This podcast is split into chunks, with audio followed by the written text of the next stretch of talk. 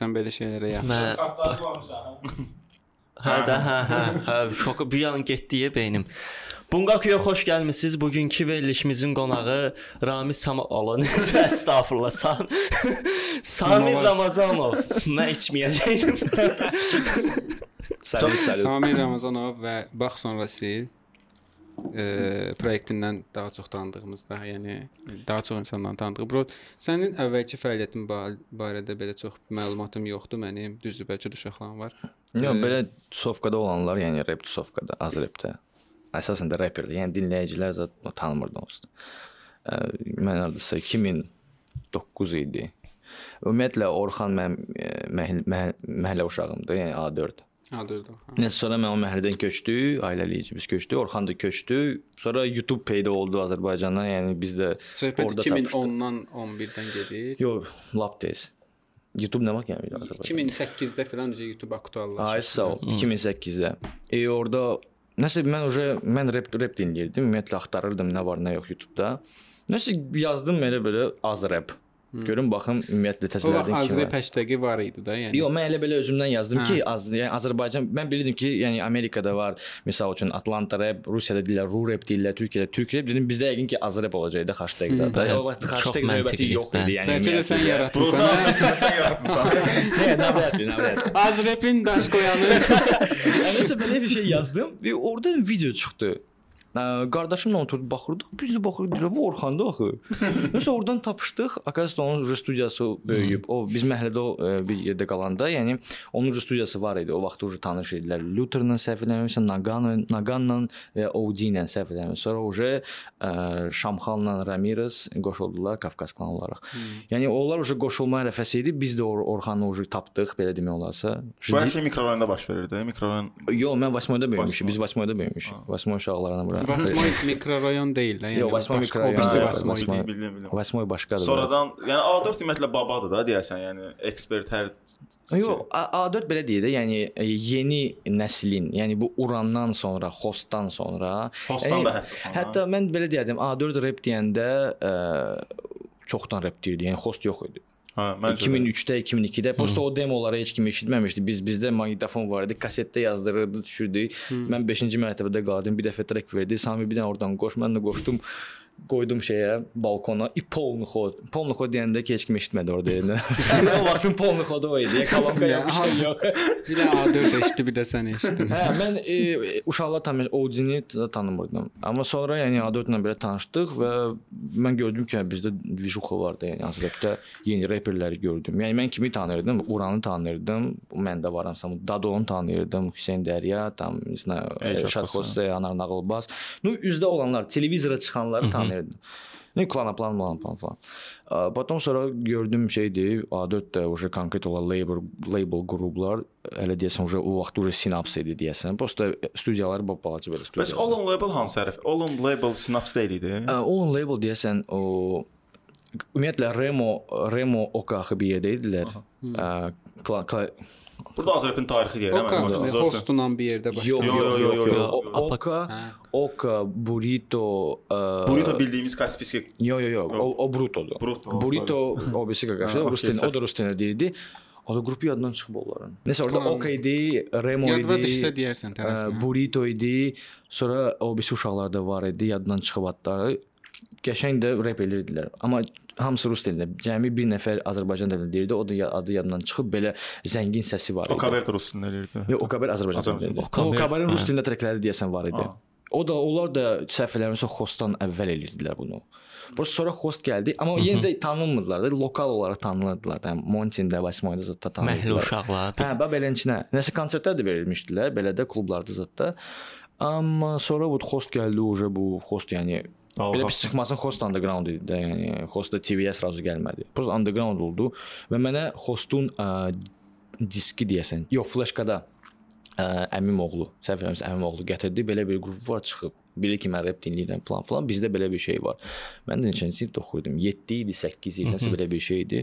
Nəsə flashka ilə qoşduq. Görürüm ki, nəsə normal. Başqa ilə qoşdu. Hə, norm normalna, normalna. To есть yəni məni tutdu əslində. Birinci hostun Pralov Hansı treklər idi o? Lyrics vaxt? tutdu da açıq yəni. А, да, да, да. O vaxtı hamı, yəni bu e, детский, не знаю, как это сказать. Necə deyirlər? O o sözü demək istəmirəm. e, onun sinonim axtarıram. Hə, yəni Azərbaycanda biraz bəzi sözlər kobud çıx səslənir. O немножко elə bil hər şeyə qarşı olmaq. Hə. Yəni uşaqlarda Radikal- olur. Radikallıq. Uşaqlarda o 7-ci, 8-ci sinifdə belə şeylər olur.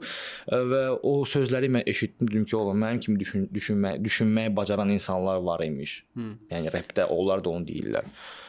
Yəni mən qulaq asmağa başladım. Düzdür, bəzi vaxtlar ə, əsasən məktəbdə, əsasən rus sektor. Yəni mən rus sektorda oxumuşam. Allah belə deyir, sən niyə buna qulaq asırsan? Bu nədir? Bunlar Elə kimdir? əslində o oxuyanlar görürdülər özləri də rus post. sektoru idi da, yəni Hə, o özləri də rus dillidirlər. Elxan zət də Hə, rus rus sektoru dilli, oldu. hamısı rus dillidirlər mən bilən. Yəni Elxan, Orxan, Səfirəm rus dillidirlər. Türk liseyində oxuyublar, ancaq rus dillidirlər. Yəni Hə, rus dili, yəni ə, obrazovание şey, təhsili Azərbaycan dilində almışdılar, amma yəni Camal Əliyev də rus dili idi falan. Sonra belə alınıb ki, yəni mən onlara qulaq asmağa başladım, amma sonra bəzi şeylərdən sonra, yəni o tə, təqizdim, yəni.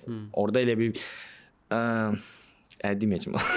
Yox, əslində çox normaldır, brat. Məsələn, sən sən- onu dinləmisən, sonra daha yüksək səviyyə bir şey dinləmisən və düşünmüsən ki, Yox, yox, söhbət on, söhbət ondan getmir. Mən kimisə ə, misal üçün öz bloqlarında kimisə tərifləyəndə mən Azərbaycanın səviyyəsini tutub tərifləyirəm. Hı, hər halda Yəni, nisbətən. Nisbətən bu buna mən mən istəyirəm ki, əlbəttə ki, kiminsə treki misal üçün nə bilim ə, Kendrick Lamarın səviyyəsində olsun. İndi Rüzgar bizə söz verib görəydi. İndi Rüzgar Rüzgar 6 ildir deyir ki, xariclə işləyirik, xaricdən Yox, işləyəcəyik. kim nə işləsə, işləsin, o onun işidir. Yəni Mən tək yəni eşitdiyim şeylərə görə sound, bilmirəm bəlkə sən də eşitmisən. Sound, yəni Rüzgarın yeni albomundakı sound, yəni Azərbaycanda da oradan belə sound olub. Belə mən, səsləndirmə mən olub. əslində eşitməmişəm. Mən belə bir mənə bir belə bir şey çatdırıb, yəni çox da, bir ya, dənə Kanye təzə albom zad çıxarıb ola bilər. Yox, bir dənə o videonu mən gördüm. O Maşında. maşında.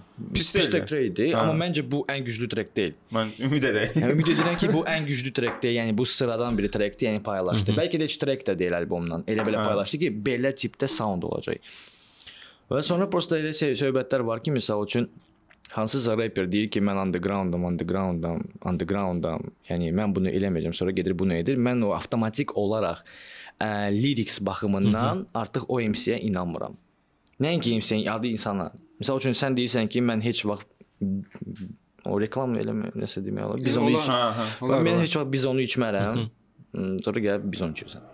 Yəni bu bıtavoy söhbətdir. Yəni belə də adi söhbət, balaca söhbət, amma söhbət böyük şeylərdən, böyük kütlədən gedir. Sən böyük kütləyə nə isə deyirsənsə və sonra bunun arxasında Bro, insan dəyişdirir axı səni. Razıyam 100%, 100%. Prosta elə şeylər var ki, ə, onlar ya onu dəyişirsənsə, sən onu insanlar ona insanları hazır eləməlisən. İmmunitet yaratmalısan. Çünki sən e, kütlə ilə işləyirsən. Yəni mən bu gün de deyirəm ki, misal üçün Ali Forever, sabah deyirəm ki, Ali Forever yox, Yusif Forever, amma demirəm niyə görə Yusif Forever. Yəni söhbət tutduz yəqin ki. Hə, bir. Yəni hə, UC forever. Mən demirəm, mən prosta deyirəm ki, UC forever. Sırazo 50 forever 3 saniyə keçdi, mən deyirəm ki, UC forever. Hmm. Yəni elə şey yoxdur axı. Yəni sən əsaslandırmalısan niyə görə? Bu mənim düşüncəmdir. Mən demirəm ki, hamı belə düşünməlidir. Sadəcə mən belə, yəni mən belə görmüşəm, mən belə fikirləşirəm. Bəs bu underground olmaq nədir? Yəni mən underground... az, az repə qulaq asandan hamıda belə şey var. Mən undergroundam. O biri hə. çıxır sən underground deyilsən, mən daha undergroundam. underground biri çıxır, mən sizdən daha yerin dibinə gedirik də belə. O, əslində mən çoxdan gözləyirdim ki, o mövzunu mənimlə kimdən kimsə mənimlə açsın. Çünki mənim o mövzu haqqında ə, bu subyektiv deyil. Mən indi obyektiv danışıram. Yəni mənim indi dediyim sözlər o 100%-dir. Kim istəyir bunu yoxlaya bilər. Underground ə, nəyəsə qarşı getməkdir.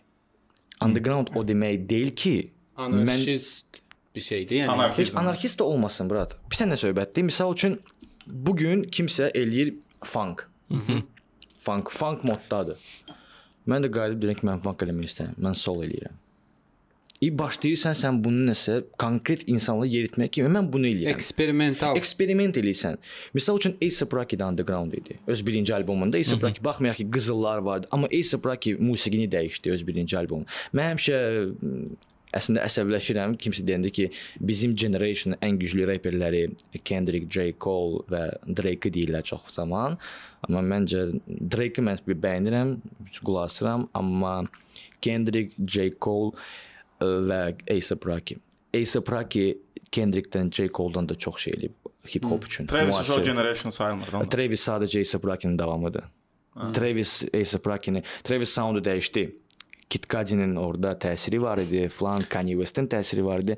Amma A$AP Rocky-nin elədiyi şeylər heç kim heç vaxt eləmirdi. Səncə bundan başına Kanye West durmur? Yox, Mən də elə Kanye-. A$AP Rocky heç Kanye West-ə də oxşatmaq istəmirdi özünü.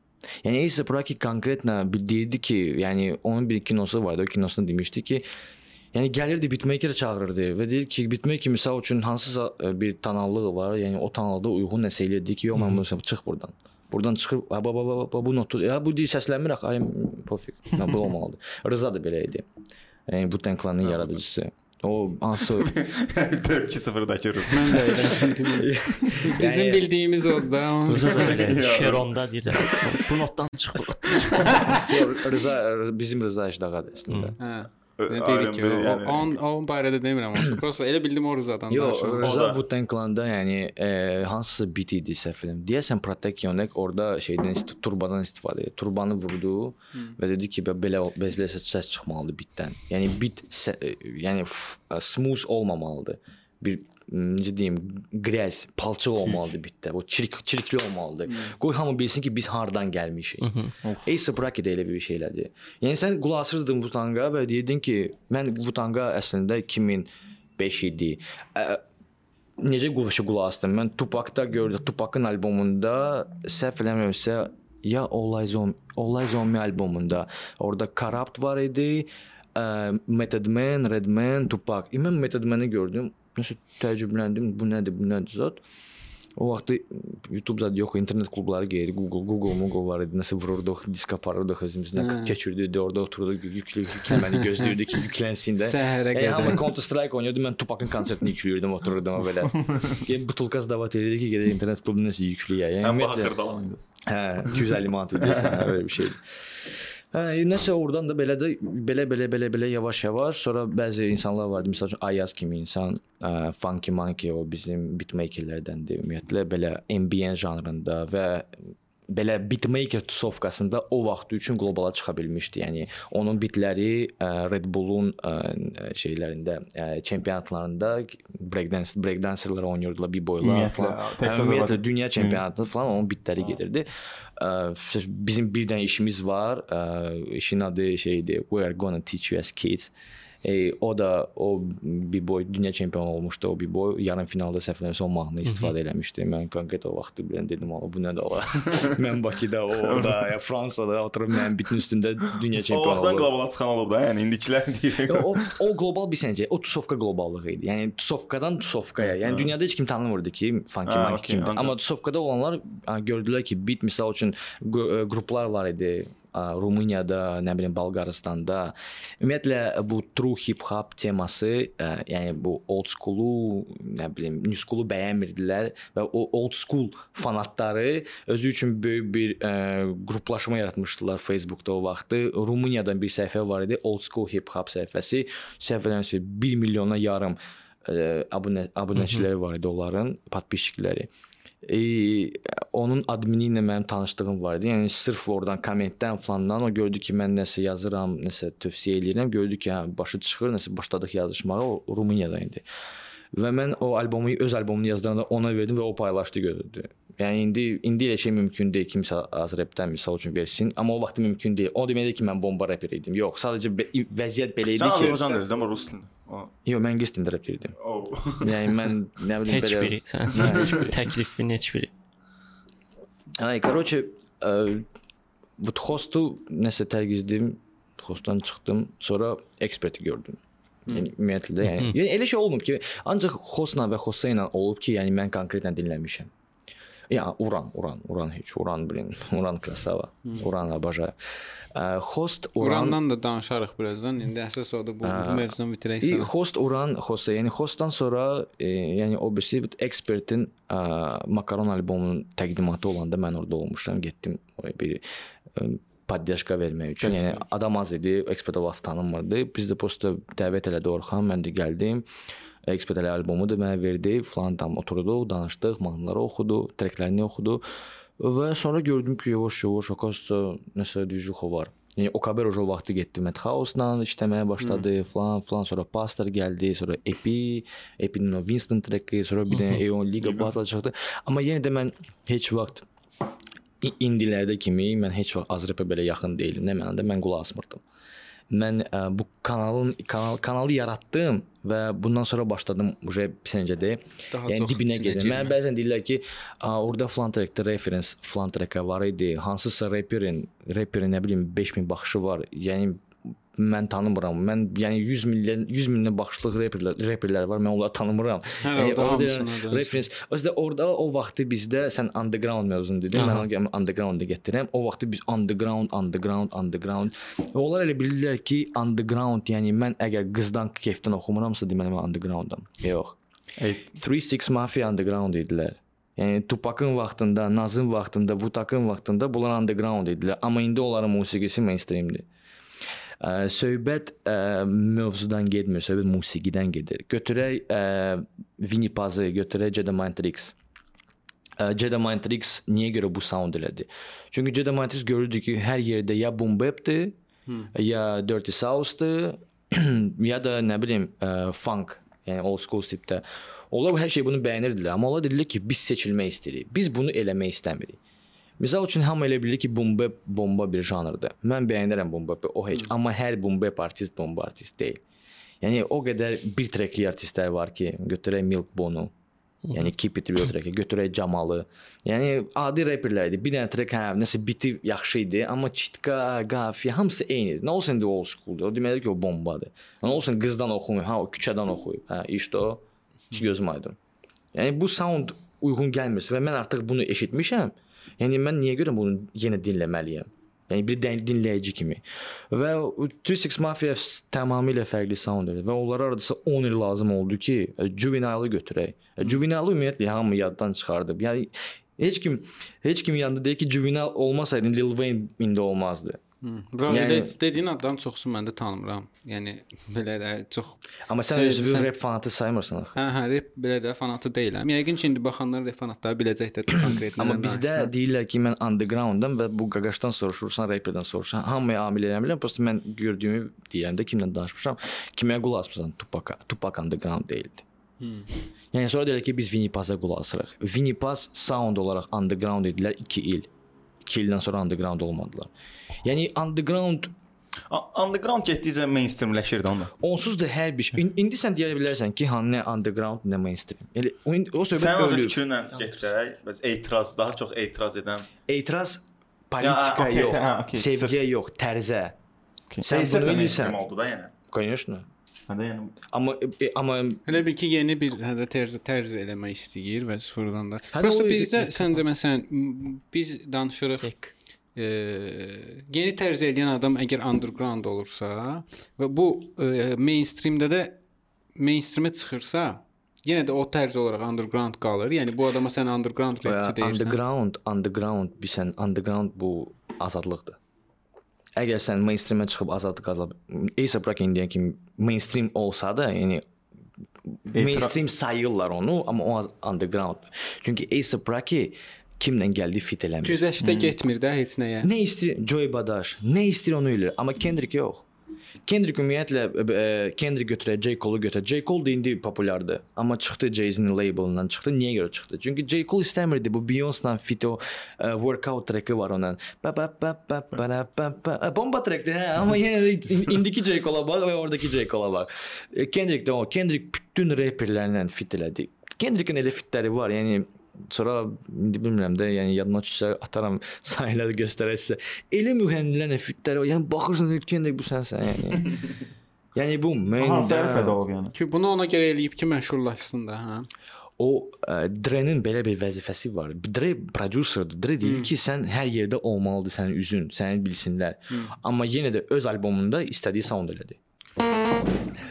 Bəs bro sən ə, bu İndi hal-hazırda beef var da, yəni Drake ilə Kanye West arasında. Yaxşı mövzudur. Hə. Sən bəs. O beef, o, o beef deyil, o marketinqdir. Ha. Yəni o beef deyil. Kanye-ni və Drake-i birləşdirən nə var? Yəni o beef olmaması üçün cəmi yalnız ə, J. Cole'un False Prophet trackinə qulaq asmaq lazımdır. 2016-cı ildə səhv eləmirəmsə çıxıb, orada yazıb ə, J. Cole üçün Kanye West, nə bilim, m, peyğəmbər idi. J. Cole Kanye West'i çox sevirdi. Amma o orada bir ə, söhbət işlətdi ki, Yəni niyə görə false prophets? Prophets peyğəmbərlər, yəni false da yalançı peyğəmbərlər. yəni o reklama görə Kanye West hər şey yaradır. Yəni Kanye West'in psixoloji problemləri var ümumiyyətlə və Middle Child haqqında da J. Cole Kanye söz atmışdı. Orada dedi ki, ə, bu saat məndən Drake-dən gəlib, Rolex deyirik. Bu saat mənə Drake-dən gəlib və hamı elə bilirdi ki, iki, iki əfsanə bir yerdə dura bilməz. Onlar mütləq bif eləməlidirlər. Amma biz bunu etmədik. Çünki mən heç kəs heç kəslə öz ayaqqabına görə bif, elə, bif eləmərəm. Yəni Yeezy söhbət etdi. Ki, yəni, Yəni- prom promotion eləyirsən. Hə, promotion elə Yeezy Kanye Kanye Kanye getdi Trump. Yəni tüpürünü yalayırdı bu insanda. Yəni bu nə bilim heç heç bu qaqa söhbəti deyil, brat. Səncə- Amerikada da belədir. Səncə anti-hype görə deyil yəni bu sırf Kanye West, Kanye West yəni sırf Kanye West Drake-lə anti-hype Yox, sırf Trump söhbətində. Ə, mən düşünmürəm ki, mən düş mən Yəni fikirləşirəm. hamı Trumpı pisləyir, mən Trumplanam yəni. Amma o da pis deyildi. Trump Hə, deyirdi. pis deyildi o Trump'a. Ha, burası o bu- bu- ondadır da. O biraz dəlik nişqası qazanıb özünə ki, yəni bu adam dəlidir, nə eləsə yeridir. Elə söhbət var. Taylor Swift zət temalar var deyə çıxdı mikrofon aldı əlindən ki, məncə Hə, Beyoncé. Beyoncé udmalı idi, nə Hə, o bilim. pikdir də yəni. o. Yəni Taylor yazıq qaldı. yəni Kanye, Kanye mən ə, yəni musiqi tarixində, musiqi tarixində 50 nəfər varsa ki, kimsə musiqini dəyişib, Kanye o 50 nəfərin içindədir. Bəs e, albomları müqayisə etsək. yox, hələ Donda, Donda. Donda son 3 ilin albomudur. Ha. Yəni Donda pff, mən bu gün qurtardım qulaq asmağı bu albomu. Yəni Drake-in albomuna qulaq asmamışam. Çox ancaq Drake ilə bir repost elədi. Mənə bir moment oldu ki, Çünki çünki Drake Vəbşə yəni Drake partlatdı statistikaları, ondan O heç. daha üstün oldu. o heç, çünki Drake heç nə eləmədi təzə. Drake millət nə istəyir onu elədi. Ha, Amma ə, blin mən Dondanı mən indi resenziya yazıram və orada 5 sətr yazmışam. 5 sətirdə 18 dəfə əfsanə sözü var. 3 dəfə 3 dəfə necə sözü var, necə axı, necə axı. İndi silirəm də onu. Bunu belə paylaşmaq olmur axı. Yəni mən bunu videoda deyə bilərəm, amma yazıda bunu eləmək olmaz. Və nə bilim mən Dondanı orada, yəni insan ə, öz trekinin duplikatını eləyir ö- öz albomunda. Yəni 2 dənə OK treki var, 2 dənə Julia treki var. 2 dənə Jesus Lord deyəsən trekin adı. 2 dənə o trekdən var. Eyni trek gedir. bir dənə sonra fitdə dəyişir, Elə başqa ən adam. çox bəyənən də o üçü olmuşdu deyəsən. Okay, okay. Bəyənilən, Praise ki- the Lord. Okay, okay. Praise the Lord. Julia. Okay, okay, Sonra ha. Jail treki. Bir dənə xoşuma gəlməyən lirikslərdir. Ə, Yəni elə bil ə, yəni sözü boş söhbətlər var yəni. Elə bir Mersiyə oxuyur. Yəni hep bütün bütün treklər Tanrı haqqındadır. Elə bir oturub kilsədə oturub svişenika qulaq, padre qulaq asırsan, o da sənə danışır. Yəni onlar onlar çıxsaq və nəinki o Travis də onu oxudu orada. Jay-Z də bunun haqqında oxudu. Ə, şey o da kim idi o fitdə? Ə, Dababy də bunun haqqında oxudum. Mən Dababy-dən belə sətr göründüm, amma sən nə edirsən? amma Dababy misal üçün məni təəccübləndirdi. Amma Kanye bu vaxt din çox dindardır Kanye. Kanka bu dinə hər dəqiqədən bir Jesus, Jesus, Jesus, Jesus. Özünü Jesus. Jesus kimi Amma görür. bir dənə qara Jesus vardı, o da Michael Jordan'dı. Yəni başqa qara Jesus yoxdur. Bayaq onun söhbəti gedirdi elə. Michael Jordan. O söhbəti bilirsən də, yəni e, İsa suda gəzirdi. Jordan göydə gəzirdi. Göydə gəzirdi. İsa e, çətin xalqdan, yəni ağır xalqdan çıxmışdı. Hə, o da Şey, qarında. Hə, i, onun da işarəsi var idi. Jordanın da E, işarəsi. to samé. Figlə. Yəni ona görə də yox, amma Kanye Kanye əfsanədir yəni. Kanye dahidir. bu məsələ var da, ə, underground söhbətinə qayıdacağam yenə. Biz deyirik ki, eksperimental edən, qarşı çıxan, ə, yön dəyişən ə, artistlər undergrounddur. Burada Kanye, yəni bunlar onda başqa bir liqdə yarışırlar. Yəni onların yarışdığı liq başqadır və bu biz bunu təyin edə bilmərik ki, bu adam underground rap eləyir yoxsa mainstream eləyir. O Yəni- heç, o heç. Amma ə, mənə əslində mən mənə çox yazırlar, məsəl üçün trekləri göndərirlər. Mən deyirəm ki, dostum, mən belə treklər çoxdur da. Yəni açığı mən bunu yazmaq istəmirəm, amma insan əgər mənə o trekini göndərirsə, deyirsə sən sənin ə, мнениен mənə çox vacibdir. Mən nəsə cavab vermə, cavab verməsən hörmətsizlik olar. Yəni mən çalışdığım qədər direktə hamıya cavab verirəm. Yəni Hmm. nə qədər yazsalar. Prosta yəni o sən deyirsən ki, tərz dəyişmək, tərzi ə, o psixoloji amildir. Sən Kanye oturub demir, mən oturum. Nəsə bu belə eləyir. Ay yox mən belə eləmək istəyirəm. Mən nəsə oturum fikirləşim. Kanye Kanye sadəcə özü Mən düşünürəm ki, o elə eləyir. Yəni o, o özü səncə də var ideya. İdeya varsa, ideya bu belə bir şeydir. Bax, gəldi. Hı -hı. Uje sən o, ideyanı yazdın, sonra onun üçün qollar yaradırsan. O uje hə, o uje svat masterstvodur. O uje sənin ə, necə deyim, ə, bacarığındır. Kanyedə bacarıq var. Bilirsən onu- necə? Elə bil bu ideya e, gəlməzdən əvvəl bu məqsədlər qoyulur yəni. Ki, Məsələn, e, olur belə bir söhbət var ki, yaxşı ideya tapmaq üçün ağlıma ilk gələnləri kənara at. Ağlıma ilk nə gəlirsə. Aha. Bunları kənara atandan sonra sən artıq başla yaxşı ideya fikirləşməyə. Ağlıma ilk gələn bütün ideyaları at kənara. Bu, burada da mən düşünürəm ki, məsələn, adam götürür, ə, qulaq asır və bu, treklər deyir ki, mən bunlar kimi eləməyəcəm. İlk Aha. atır bunları kənara, kənara, kənara. Okay. Bütün filtrdən çıxardandan sonra deyir ki, hə, indi başlaya bilərəm yeni ideya tapmağa. Bəlkə belə düşünürəm. Yəni bu standart bir şeydir. Sən indi standart paket mənə dedin. -hı. Amma yəni ide elə ideyaları var ki, o söhbətlər var idi. Bəzi ə, alimlərin ideyaları yuxuda gəlirdi zat falan Hə, falan. hə, Yəni hə. Uçan bilmirəm. Hə, Dali da- belə çəkirdi Hə, artıq. da bilmirəm bu düzdür, düz deyil. Yəni ə, o mifologiyadır. Yəni heç kim onu yoxlaya bilməz. Amma yəni ideya belə bir şeydir ki, yəni o təcrübədir bu birincisi. O söhbət var, deyirlər ki, ə, Picasso nə çəkir? Hı -hı. m, rəssamlıqdan başa çıxmayanlar məsəl üçün də o kulturu bilməyənlər. Amma onlar başa düşməlidir ki, ə, Picasso 2 saniyə içində mənim portretimi də çəkə bilər, peyzajı da çəkər, hər şey çəkər. Bu o bundan bezib. E, короче, yəni Dali əgər bunu çəkibsə, deməli o artıq ondan qabaq bütün nə çəkmişdilər, onu bacarıb. Hı.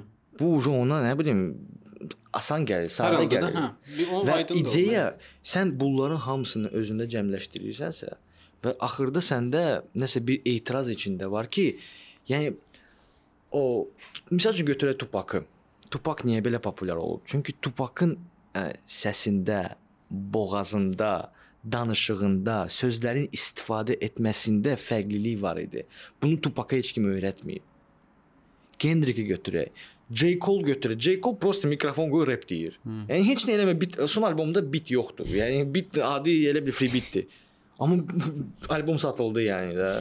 Yəni hamı qulaq asdı o albom. 100 mil 100 milyonlarla stream oldu albom. Niyə görə? Çünki J. Cole sözləri elə qurur. Sözləri elə deyil. Məsəl üçün sən deyirsən ki, mən bu stəkanı belə qoyuram, J. Cole deyir ki, mən bu stəkanı belə qoyuram.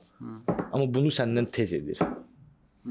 Yəni söhbət bu ideyadan gedir. O ə, yəni onsuz da hər şey artıq icad ediblər də. Yəni belə bir çıxmasın da. Yəni alimləri alimləri toxunmuram. Yəni sö- söhbət musiqidən gedir. Yəni 7 not var. Bu notlardan hamısını belə də eləyiblər. Yəni rakımda, bokumda hamısını eləyiblər də. Yəni Elənməyən çox şey də var da yəqin ki. yəni. çox çox şeydə var. O da balaca kiçik elementlərdir və o elementləri tapan, tapan, tapan insanlarda ideya olmalıdır. Bir yerdən sonra hətta təkrarlanır da, bu da yeni zövq yaradır və s. O da hətta təkrarlanan şey də bir yerdən sonra yenilik olur. O, o, Onlar heç, da o da. samosa bu sampling yəni belə Hmm. yarandı. Ya da götürək misal üçün ə, musiq. Sən ə, fikir vermisən ki, ə, son zamanlar əsasında 90-cı illərdən sonra musiqili ə, təhsili olmayan insanlar daha irəli gəliblər musiqidə. Hmm. Çünki musiqi təhsili olan insan o onun üçün bir qrafa var. Çərçivə. Çərçivə var, şablon var. O deyir ki, mən burdan necə çıxa bilərəm? Amma məsəl üçün götürək Kanye-ni 2001-ci ildə, 2002-ci ildə Jay-Z bit yazanda, o dedi ki, "A, nə şablon?" O çünki bilmirdi ki, bu şablon ümumiyyətlə var. Amma mən misal üçün deyirəm də, yəni mən orada olmamışam. Qulağına xoş gələn bir şey. hə, Axtarıb tapır da ritmi falan Ay, hər şey. Mən donu bax belə qoyum, Reni bax belə qoyum. O bomba kimi davay getdi. İnsan qulaq asdı ki, bu nədir? Elə şey var. E, e, Jay-Z-nin bir dənə biti var, e, treki var. Səfərsən Black albomundan, Dirt If Your Shoulder. O biti Timbaland yığıb, Timbaland o biti Yonik-də yığıb. Yəni bildiyiniz Yonik-dir, yəni toyda oynanılan eyni eyni, eyni zvukdur da, yəni prosta onu elə dəyişib. Yəni deməli ideya var. Yəni bu ideyanı tutdu. Tutdu ideyanı bunu dəyişdi. Yəni o ideya əlbəttə ki, təcrübədir. Amma bizdə ə, təəssüflər olsun ki, çoxlarında təcrübə yoxdur. Çünki fərqli musiqiyə qulaq asmırlar. Fərqli musiqi bilirsən nədir? Rapper ancaq rapə qulaq asmamalıdır. Hı. Любой, любой Amerikada rapperdən soruş.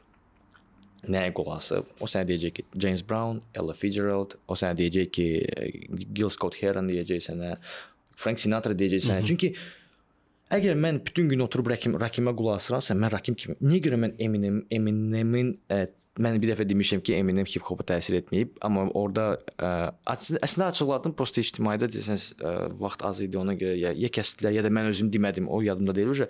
Çünki Eminemə verilişində idi. Ay sağ ol. Eminemə qulaq asan bütün reperlər Eminem kimidir onun. Yəni Eminem var artıq. Eminemin elədiyi boom bapdir yoxsa Yo, pop- Eminem, evet Eminem də öz tərzini yarada bilmişdi. O o ne- orkestralная muzika, o bir o, ara o, bəzi trekləri var, məsələn, rock, rock Hə, də, hə, qarışığı. o orkestralный rock deyirlər ona. Yəni o ondan istifadə eləmişdi və ona görə uğur qazanmışdı. O ə- əsasən də Marshall Mathers LP birinci albomunda. Yəni o orada məsəl üçün Slim Shady LP-də yox, o sırf bu hip-hop teması nə var idi, onu istifadə elədi, Dre-nə verdi, yəni. Amma sonra Eminem özü başladı bitləri yıxmağa və görürsüz Eminem sound necə dəyişdi. çox dəyişik. Və dediyim o ideya, ideya azadlıqda gəlir. Əgər sənin deadline-ın yoxdursa və sən oturursan belə deyirsən ki, neyniyim? Musiqi eləmək istəyirəm. Hə, götürdüm pianino misal üçün bit yıxıram. Dın dın dın dın dın dın. A, xoşuma gəlmədi. Ha, sonra. Amma və belə belə belə belə sonra nəsə bir moment oldu, sən nəsə bunu bastın, o getdi normalna. O birisini bastın, o normalna. Bir dənə bit qoydun, so bomba kimi təzə bir şey yarandı. Hmm. Amma sənə deadline qoyanda sən bunu heç vaxt yarada bilməzsən. Heç vaxt. Ona görə Kendrick kimi artistlər o boyda vaxt qoyulur özünə. Hə, konsertləri var o heç. Bütün bütün gün konsertlərdə falan. Amma yenə də o 3 ildən bir albom niyə görə buraxır? Çünki o o ə, təs o influence almaq istəyir. Nədənsə, nədənsə bəhrələnmək, ilhamlanmaq istəyir ki, Hı -hı. nəsə yeni bir şey təkrarlanmasın heç kimdən. Və fikir verdiniz, ə, Kendrick'in heç bir albomu bir-birinə oxşamır. Hı. Amma Drake'in son 4 albomu hamısı eynidir. Bro, bir də bu rapin m, cazdan gəlmə söhbəti var. hı, hı. No way. E, rap cazdan gəlməyib. Rap e, elektron musiqidən gəlib. ümumiyyətlə. Cazdan sonra bir dənə m, adı yadımdan çıxdı o janrın. Hansı ki xor şəklində Ha, oxunan gospel. gospel Gospel. Hə, gospel. İyi, belə bir şey yox eşitmişdim bu yaxınlarda. Bir də uşaqlar arasında oturanda belə bir söhbət keçdi ki, caz, i gospel, i ardınca rap ritmləri yaranıb və artıq Ay, keçid yox, oldu. yox, yox, hər şey olmayıb. Ümumiyyətlə rap yarandı. Rap nədir? Rap bu breakbeatdir. İ- İlk dəfədən, yəni 73-cü ildə Cool Herc parkda oturmuşdu. Baz, bacının ad günü idi. O da DJing eləmə. DJing əvvəl də var idi. Jockey deyirdilər onlara. Onlar nə hə. edirdilər? Prosta musiqi qoşurdular. jockey falan oradan gəlibdi o Ay sağ ol. Disk qoş, e, trek qoşurdular vinil. İ qoyurdular, i otururdular belə. Vinil də gedirdi, otururdu, bu da əlini belə mikrofon. Ha, bir dənə dəyişdi, mahnı getdi, dəyişdi, məfsə o ham oynuyordu. Hmm. Amma o Yamaykalı idi. Ümumiyyətlə Yamaykalılar da çox ideyalı insanlardı. Və hmm. ümumiyyətlə onlar da millətçi belədilər onlar. O və rap Yamaykada 50-ci illərdə də var idi. Sırf bu recitativ söhbətində. Hı -hı. Bəzi reggae ifaçılar da bu recitativdən istifadə edirlər. Ona görə çoxları raplə reggae-ni səhv salırlar. O reggaeton kimsə eləndə dedik, "A bu rapperdir." Shaggy heç vaxt rapper olmayıb. Sean Paul heç vaxt rapper olmayıb. Akon heç vaxt rapper olmayıb. Akon belə. Onlar rapper deyillər, onlar reggae ifaçılarıdır. Yəni elementarna Wikipediyaya girin. Bro Bəs mən niyə qədər xəttində deyil? mən niyə qədər Paul Deyəndə ki, rapper deyil, musiqiçidir və yəni rapper çünki- üstünlüyü nədir ki, rapperin Çünki yəni? bizdə çoxları repi bilsəncə qəbul edir. Bu nəsə belədir də kişilikdir. yəni rapper sənsən, sən əsl Underground. kişisən. Underground. Yəni sən kişi, gay rap underground rap sayılır. Yəni belə bir şeydir. Yəni gay rapi çox var. İndi bir dənə var o Lil- Nas. Lil, Nas o da rapper deyil. Yəni o rap, o rapdən istifadə eləyir. Amma treklərin çoxusu rap deyil axı. Çox amma qəşəng ekstrem, yəni belə eksperimental maraqlı çox xoşuma gəldi. İşləyir. Çox ləzzət edir o da o treka. Nəqarəti bombadır. Və mən niyə görə deyirəm, bu gospel dedin və ya bu breakbeat gəldi. Bu səhv eləmirəmsə James Brown'un Boss trackini səhv eləmirəmsə götürmüşdü və oradan bir dənə momenti var idi o Cool Herc-in. O xoşuna gəlmişdi onun və o başladı onu arxaya qabağa, arxaya qabağa. İnsanlar belə belə yəni intervyu oxumuşdum. O dedi ki, insanlar başladı mənə baxmağa, sən nə edirsən? Və orada belə bir sound tuk tuk tuk tuk tuk tuk getdi. Sonra saxladım. E orada moment vardı. Tup tup çık tup tup çık.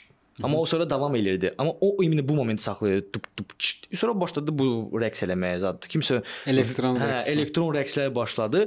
Sonra bu temanı ə, ə, Afrika Bambata götürdü. Söhbət 50-lərdən gedir. Yox, söhbət 70-ci illərdən gedir. 50-lərdə qaldı, 50-lərdə heç nə yox idi. 70-ci 70-ci 74 75 hardasa Zulu Nation var idi, səhv eləmirəmsə və Afrika Bambata var idi orada və Planet Plan e, Supersonics, Supersonics və Planet Rock çıx treki çıxmışdı. Bu ele elektro muzika idi. Yəni bu disko idi.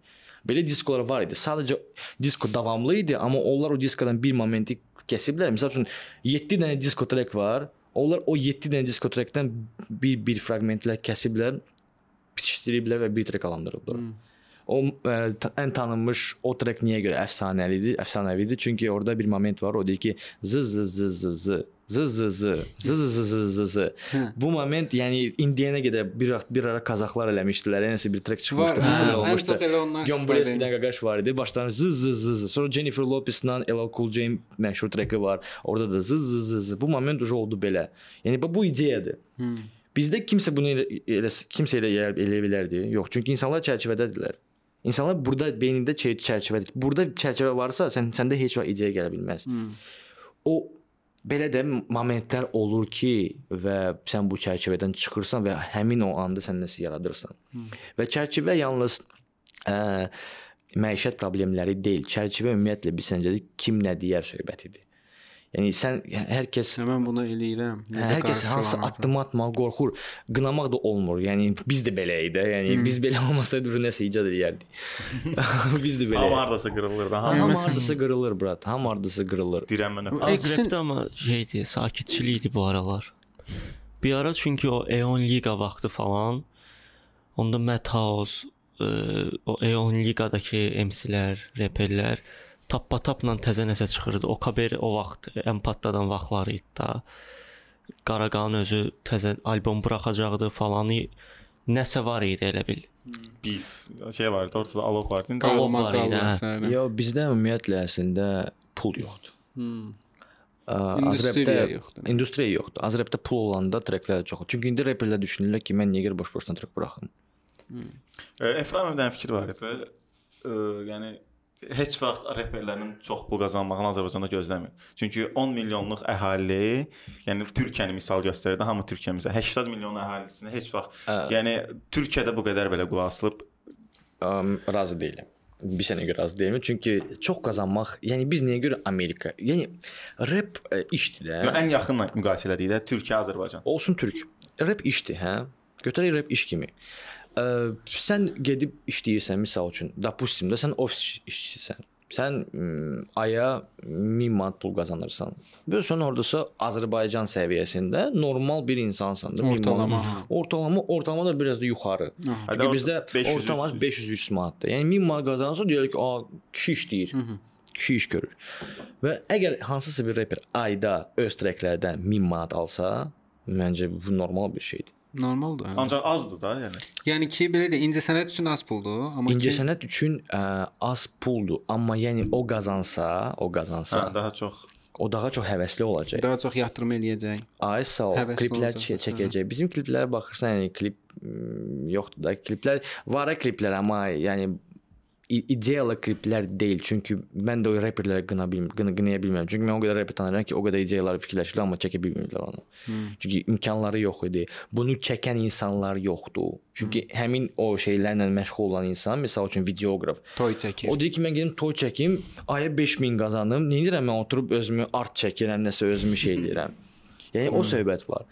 Ona görə bu hər şey əlbəttə ki, sosialdan asılıdır. Yəni biz bizdə nəsə sosial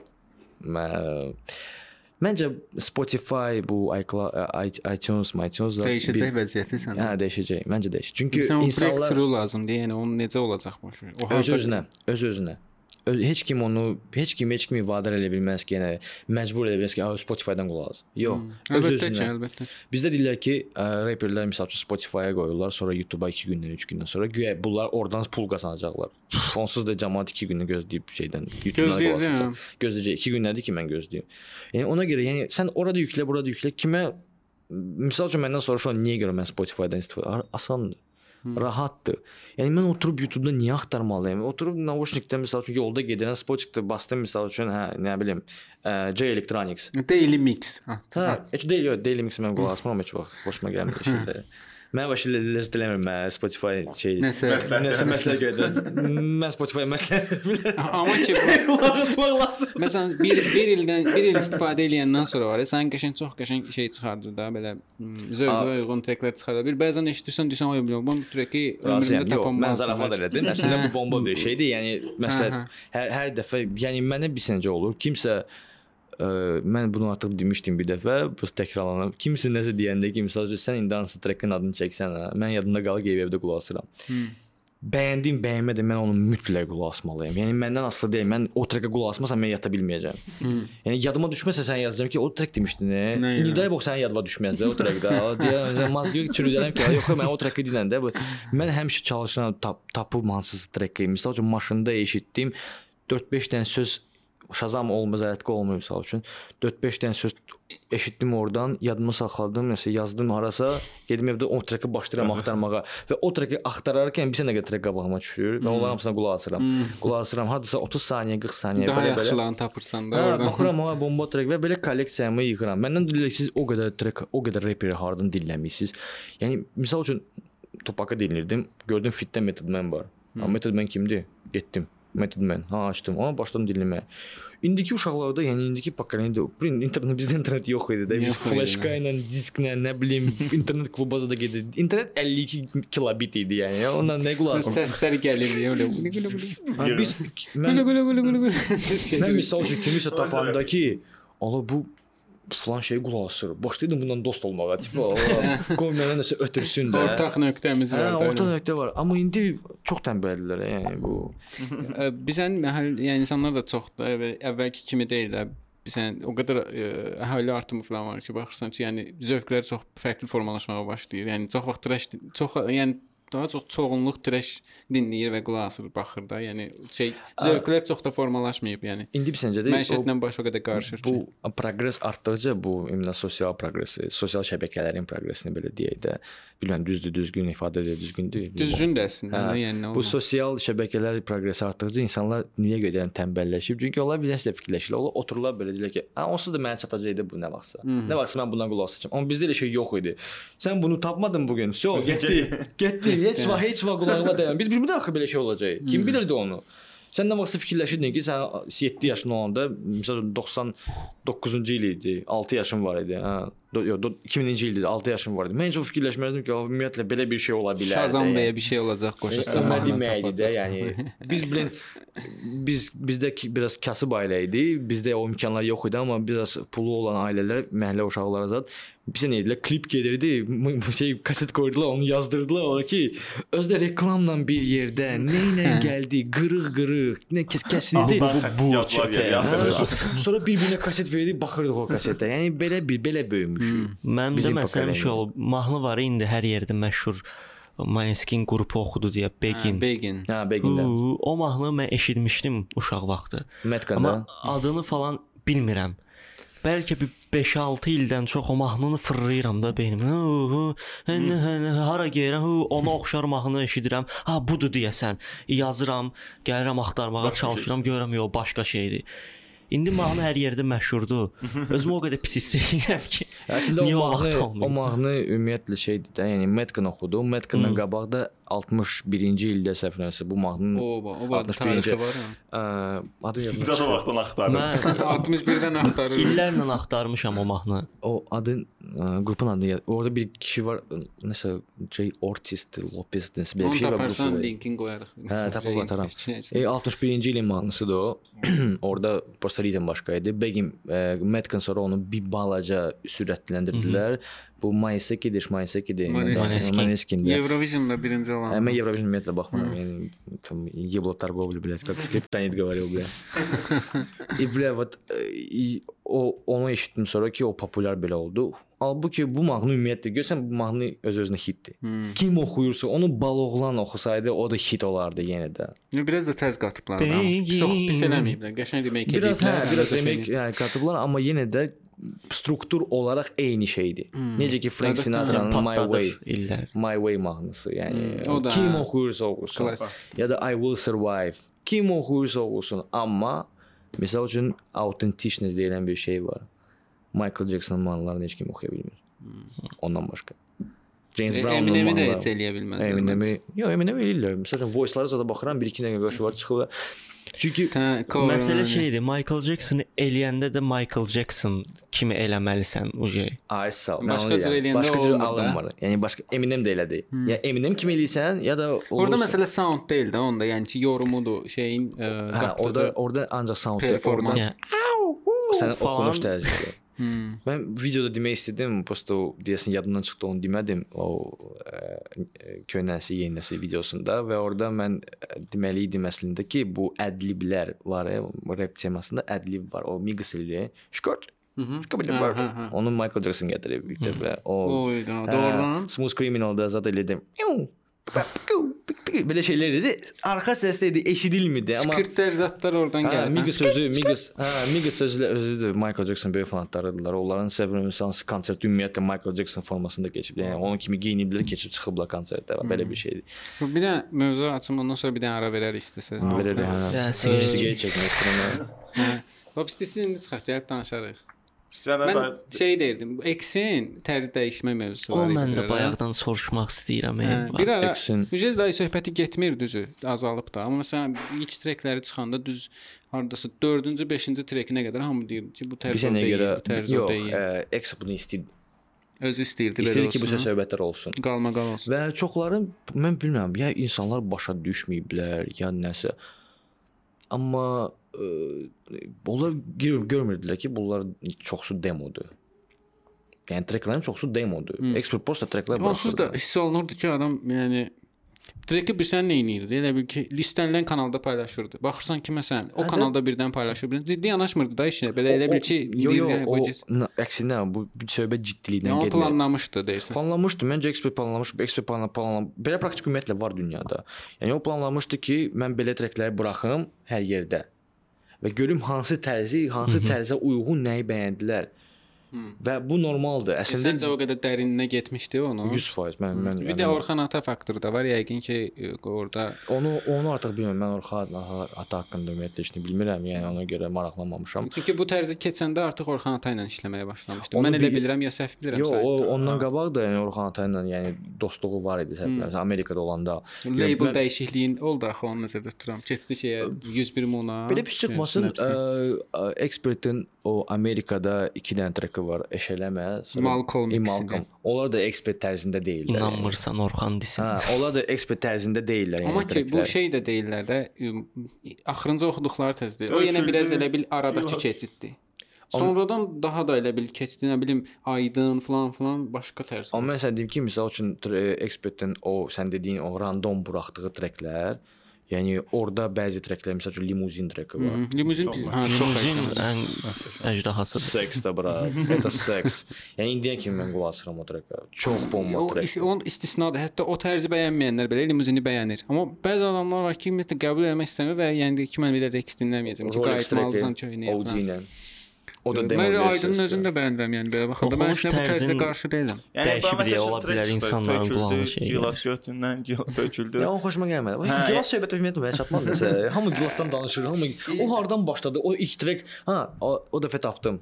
Həqiqətən o dəfə tapdım o gilas söhbəti, prosta yadımdan çıxdı hansı trek idi.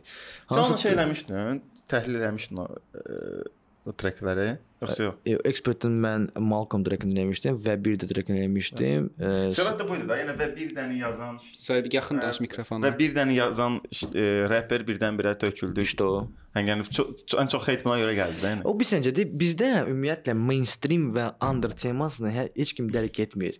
Bizdə açığı danışaq, bizdə mainstream nədir? Ə, Qarabağ mövzusu. Vətənpərvərlik, bunu qatıram. Qarabağ, vətənpərvərlik hamısı. Türkçülük mövzusu və bir də Qəhbəli. yox, yəni O film şeyindədir bizdə qəhbə söhbətləri üzr istəyirəm. və bir də toy. Toy. Toy əlbəttə ki, böyük əgər sən bunu eləyirsənsə, sən avtomatik mainstreamsən.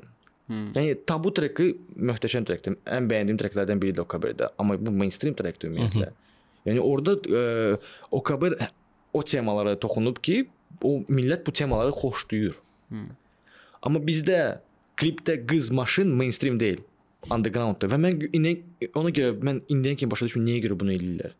Yəni bizdə ümumiyyətlə bu maşın qız söhbəti girmir.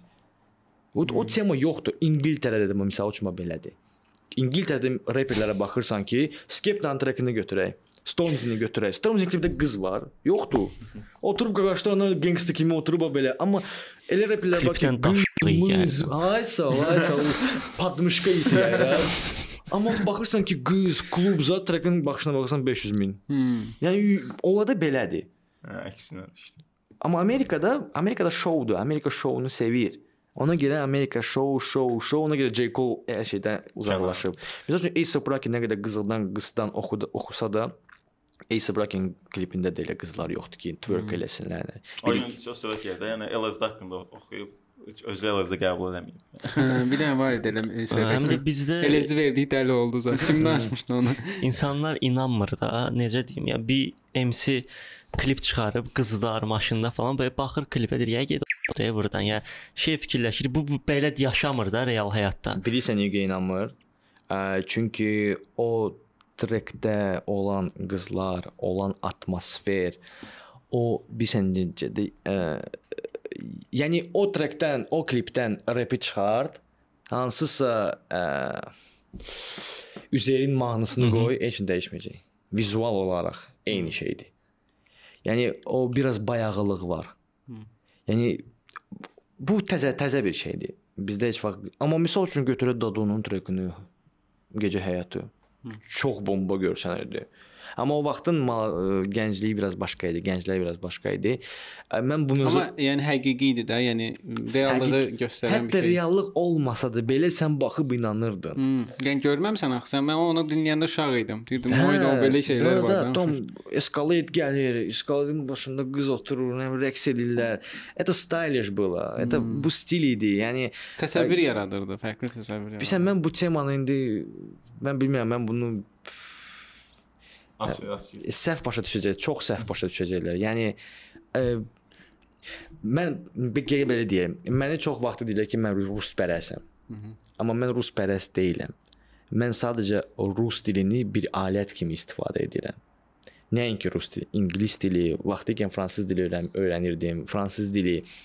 Yəni hara gedirsən get, hara fırladırsan fırlat. Rus dilində olan informasiya, ingilis dilində olan informasiya türk və Azərbaycan dilində olan informasiyadan çoxdur.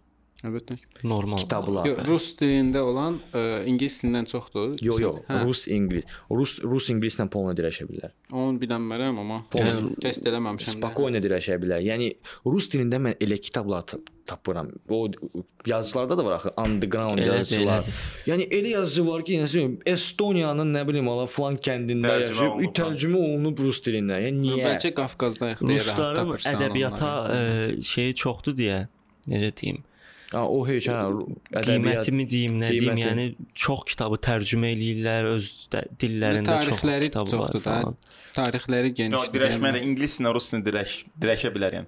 Bəlkə çatmaz ingilis. Bilmirəm, bu məlumatım yoxdur. şey. Mən rusca bilmirəm. Amma ki, yəni türklərin də e, tarixi çoxdur da, yəni bir o imperiya olublar Hə də, falan. hə. Rus ruslardan qabaq imperiya olub Türk im- Osman imperiyası. Amma elit tarixindən söhbət gedir elit. ay sağ ol. Elit tarixi başqa söhbətdir. Çünki elit tarixi ruslardan Ru- Rus ümumiyyətlə Slavyanlardan başlayır. Slavyanlardan başlayır. Yəni götürək teatrı, Türkiyədə teatr güclü deyil. Amma Rusiyanın baleti, teatrı. Yəni bu incəsənət baxımından e, Rusiya Türkiyədən 70 qat yuxarıdadır. Hmm. Hər bir hər bir tərəfdən İndi deqradasiya gedir məncə amma. 100%. Rusiyada pf, 100%. Yəni, Biz bu podkastda başlayandan o qədər adam gəlib düşmək. Murat, mən də başlamaq istəyirəm. Deyirəm, başla da. Yox, ya, kamera zad. Deyirəm, telefonla çək.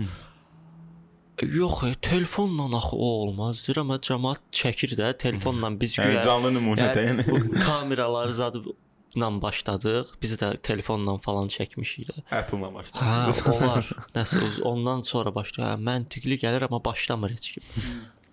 Yəni bir telefon hal-hazırda kifayətdir ki, ə, çəkəsən maraqlı kontent və. Əgər əgər sənin danışmağın Hə, nəsə əsas nəsə varsa, danışırsan. o vizual olar. Onsuz da bizdə güya vizual kimi bomba idi. Hə, oğlanlar var. Ölkədə vizual nəsə yaxşı şey görmüsüz? Yaxşı, okey, Luger. Okey. Luger Əlixanın normal vizual olaraq. Normal yox, bomba kimi. Hə, qəşəng Xoşuma işləmişdilər, maraqlı Amma belə qalan ö, taleyin kinolarına baxaq. Yəni vizual olaraq yəni Əsas ssenari orada. ssenari xoşuna gəlir. İnsanların xoşuna ssenari gəlir. Yəni heç kim vizualı bizdə belə ə, 70 80% vizual vəbşə ümumiyyətlə fikir vermir vizualda nə baş verir. Ancaq ikisini birləşdirəndə çox zor olur da, yəni. O əlbəttə olur. Olsa var. Bəyənirlər amma bilmirlər nəyi bəyəniblər də. Yəni vizualı tutmur. "Ə, xoşum gəldi. Amma bilmir ki, əslində o rənglərin kontrastı falandır buna xoş gələn. Başa düşmür o. Rakuslar, kamera. Ümumiyyətlə bizdə çoxları ideyanla başa düşmürəm. Mən indiyənə kimi mən həqiqətən əsəbləşmişəm. O şey Şeyxin klipi çıxdı, yeyib içirik. Hə. Hə. Kommentləri oxudum, deyir ki, mahnıya uyğun klip deyil axı bu. Yəni siz ciddisiz uşaqlar. Yəni orada yeyib içmək, oturub stolda araq içməkdən getmir söhbət trekdə. Trekdə söhbət e, sikldan gedir. Yəni həyatın siklı. Yəni mən uşaq idim, süd içirdim, məktəbə getdim, primerdən nəsə yeyirəm. İnstituta getdim, institutdan qovuldum, nəsə yeyirəm. Pofik, nəsə baş verir, mən həmişə biz belə millim, biz həmişə nəyisə sevinirik. Bir şans tuturuq. O bir bloger ya yox, stand-up nəsə demişdi. E, dedi ki, e, rus insanı üçün o rus insanı deyəndə məncə o ümumiyyətlə SSR-i nəzərdə tuturdu. Deyir ki, yəni mən belə deyim, SSR insanı üçün ə, mıxlamağa səbəb lazım deyil. O özü öz səbəbləri tapır. Yəni misal üçün Maşın aldın, gəl yağ. Veriliş zor alındı. Gedə aldın, içəri. gəl Ay, yaşa, maşın aldı. Məsəl üçün o birislərdə deyilir ki, ə, xaricdə məsəl üçün hə ev aldı kimsə, böyük bir villa aldı, dedi ki, "Ha, gedək bir dənə parti eləyək, villa aldın da." Amma bizdə nə almısan? Ana bir dənə qəşəng adikal almışam məsələn, bura. Gedə onu, gedə onu yuyaq. Yəni. Telefon almışam. Gedə. Adikolonun pulu qədər də bir də bilin içkiyə xərcləyirsən. Ay sağ və şehrin treki bunun haqqında idi. Yəni biz hər şeyi yuyuruq. Bizim üçün pofikdir. Mən də o o ərəfədə bir video məndə çıxmışdı. O şeydə o Türkiyə rapdə olanda o video çıxmışdı. Mən orada da bir referens elədim ona. Dedim ki, "Ala biz e, bizə deyirlər ki, türklərlə mentallıq eynidir." Yox, biz yeyib içirik. Biz pastayanla yeyib içirik. Biz biz ağlamırıq. Ax axır vaxtlar ümumiyyətlə belə tendensiyalı ki, biz yəni kim, kim əvvəl necə idi? İnsan vəfat elirdi, rəhmətə gedirdi, 40 gün yas saxlayırdılar. Amma indi e, bəzi insanlar bəzi çoxluq, yəni gedir içir. Sevin sev, sevinmir ki, kimsə ölüb. Prosta goreda, yəni pis ona, dərddən gedir içir bunu. Yəni biz həmişə içirik. Yəni bu deməzdin ki, bu pisdir. Yəni bizdə alkoqolizm yoxdur, yəni Rusiyada kimi. Yəni bizdə elə şey yoxdur ki, misal üçün gedirsən Qubaya və hamı alkaşdır.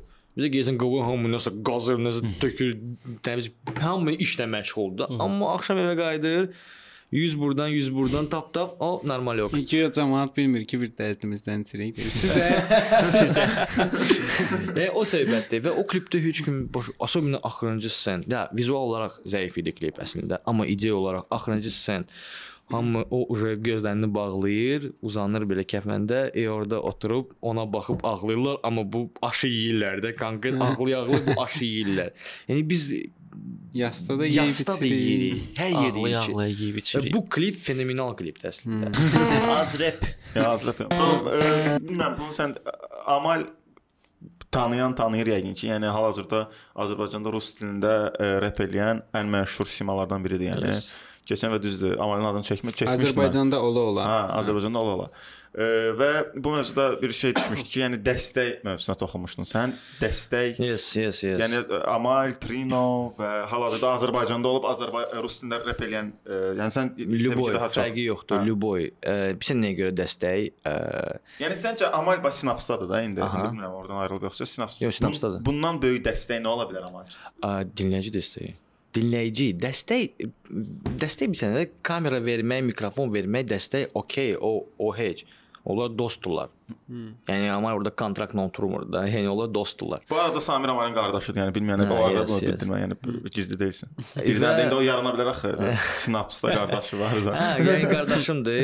Sinaps uşaqlarda çoxsu tanış dostlarımdır. Yəni belə deyim. Amma o demək deyil ki, mən onları elə belə tərifləyirəm. Yəni məndə söhbət yoxdur onsuz. Və söhbət ə, Dəstək, hə, okey. Düz dəstəkdən bir sənə dəstək.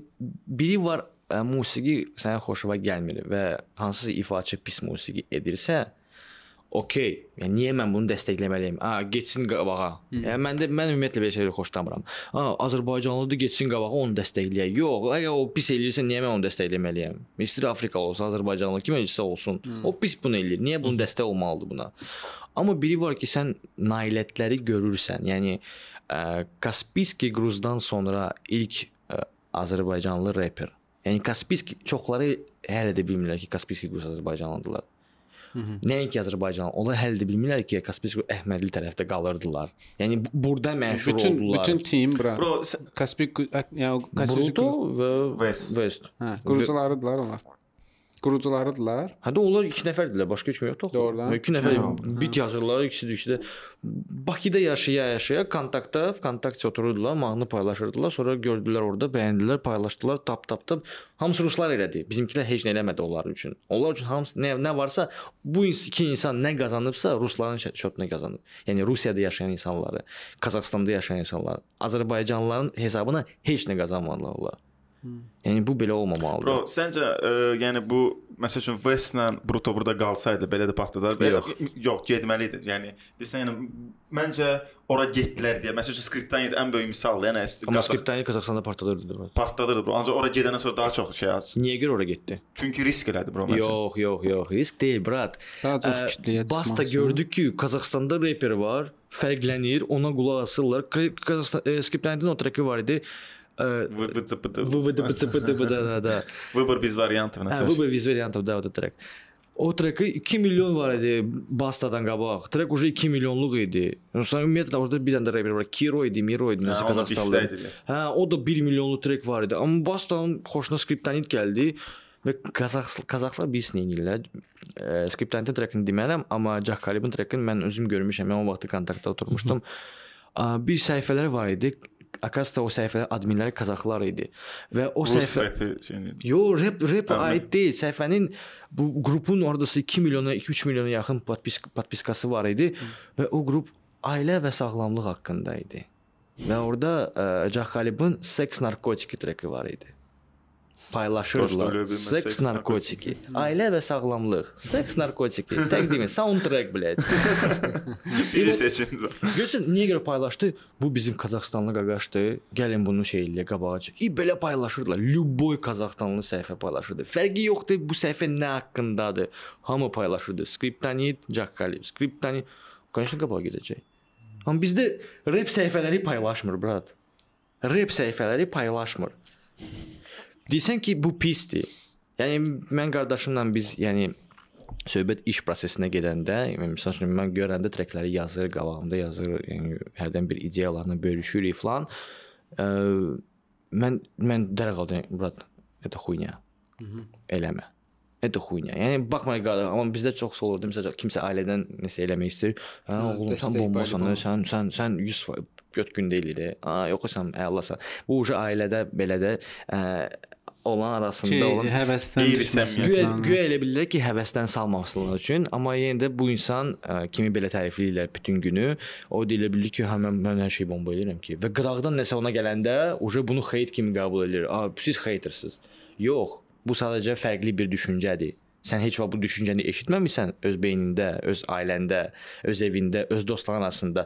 Və ona görə sən bilirsən ki, bu heytdir. Bu bəlkə düşünmürsən ki, yəni amal kifayət qədər burada tanınmır deyə məsələn, amal kifayət qədər dinlənmir deyə bəlkə də onu ola bilər. Mən bunu düşünərdim. Amma Amalin Warner Music-la kontraktı var.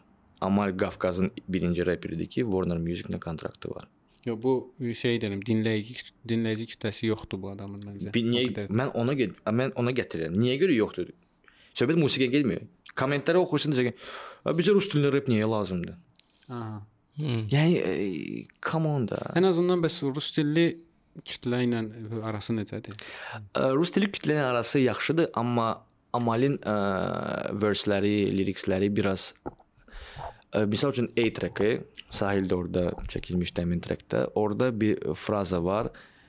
А я походу упустил момент, когда вы стали все такими творческими. E, o moment əslində o, o rus dilli təbəqə var, hə, o kimi ki, o gəl açıq danışaq. Yəni Azərbaycanda bu asektor rus söhbəti heç vaxt qurtarmayacaq. Və o bəzi rus dilli təbəqə var ki, asektor belə bax. Və ona görə asektor bəyənmir rus dili. Məsəl üçün mən bir-birlərinə bifi var. Hə, da. mən institutda məsəl üçün ə, mənim bütün dostlarım, institut yoldaşlarım, qrup yoldaşlarım başqa qonşu sektor idi. Yəni məncə o problem deyil. Yəni bu düş fərqi nədir bu? Mən asektor dedi ki, mənim doğma dilimdə danışır da, yəni bu insan, yəni nə problem var? E? Yəni amma söhbət orada, yəni ə, dünya görüşündən gedir əlbəttə ki, bəzi o təbəqə, rus dili təbəqə elə düşünür ki, misal üçün ə, misal üçün necə deyirlər, bu asektorda söhbət var. E, "A, biz çayxanalara getmirik, orada qaqalar oturur. yəni mən çayxanalara gedirəm. Yəni qaqa məni necə, qaqa da oturub da necə. Yəni sən qaqa tipli, necə ki da bir- asektor bunlara belə baxır, yəni biraz biraz maariflənən, biraz dünya görüşü olan sektor necə baxır bu qaqalara ki, belə də bu mikrorayon uşaqlardır, yox biz bunlarla oturmuruq, biz gedirik. Ortaq yön də tapa bilmirlər də, Hə. həm də var da. Bu da bu onsuz da hamı Azərbaycanlıdır. Bu Rus sektor da Azərbaycanlıdır. Sektor da ikisi də Azərbaycanlıdır. Prosta Rus sektor fikirləşir ki, məsəl üçün indilərdə Rus sektorun çoxusu başlayır uje, məsəl üçün rep qulaq adam. Kimsə FTB qulaq asır, kimsə Rızaya, kimsə Pastra, ekspert zat və mən görəndə ki, mənim kanalıma kimsə rus dilli insanlardan baxırsa, mən nə mənada sevindirəm? Sevindirəm o mənada ki, yəni mən onlara göstərə bildim ki, yəni siz bildiyiniz qıcılıq deyil. Yəni kimsə Azərbaycan dilində danışırsa deməkdir ki, o qıcıdır. Amma belə təbəqələr var və amal bu təbəqəni o, o təbəqəni Disləyirdir. dis, disləyir öz treklərində. Əlbəttə ki, onlar Da onlar tanı qıcıq yaradır da. onlar tanıyırlar amalı. Amma qulaq qulaq yəni qulaq asırlar, amma Dəstək vermirlər. paylaşmırlar. Hə, başa. Bizim nə qədər tusovkalar var ki, mənim qardaşım tanıyırlar, amma paylaş. Mən bilirəm o o məşhur insanlar da var, amma paylaşmırlar. Heç vaxt paylaşmırlar. Yəni o söhbətdir. Və mən bu dəstəkdən danışıram. O, Qazaxstanda o da dəstək, hə, o hiss olunur da əlbəttə. Yəni Конечно. insana təsir edir. Yəni əgər mənim qardaşım pis gündə musiqi etsəydi, o heç vaxt onu The Flow kimi m, populyar jurnal, sayt paylaşmazdı. The Flow-da yəni, a- qardaşım tre- albomu çıxanda axırıncı Даже не придется умирать a- albomu 3 həftə dalbadal top 30 albomda idi iTunes-da Rusiyanın top 30-unda. Yəni orada Skriptonit bastı, mənim qardaşım var idi. Azərbaycanda kimsə bunu paylaşdı? Heç kim. First News bunu paylaşdı. Ə, bir də hansısa So, First News, başqa heç nə. O da bir sənəyə görə onlar post amalə o, o məqaləni yazan amalı tanıyırdı. Yəni qulası. Yox, şəxsi yox. Prosta qulası bilir ki, belə bir reper var, ona görə paylaşdı. Yəni bir dəstək oldu. Amma indi First News-də kimdə baxan, yəni First News-də bütün populyar e, e, məqalələr nə olur?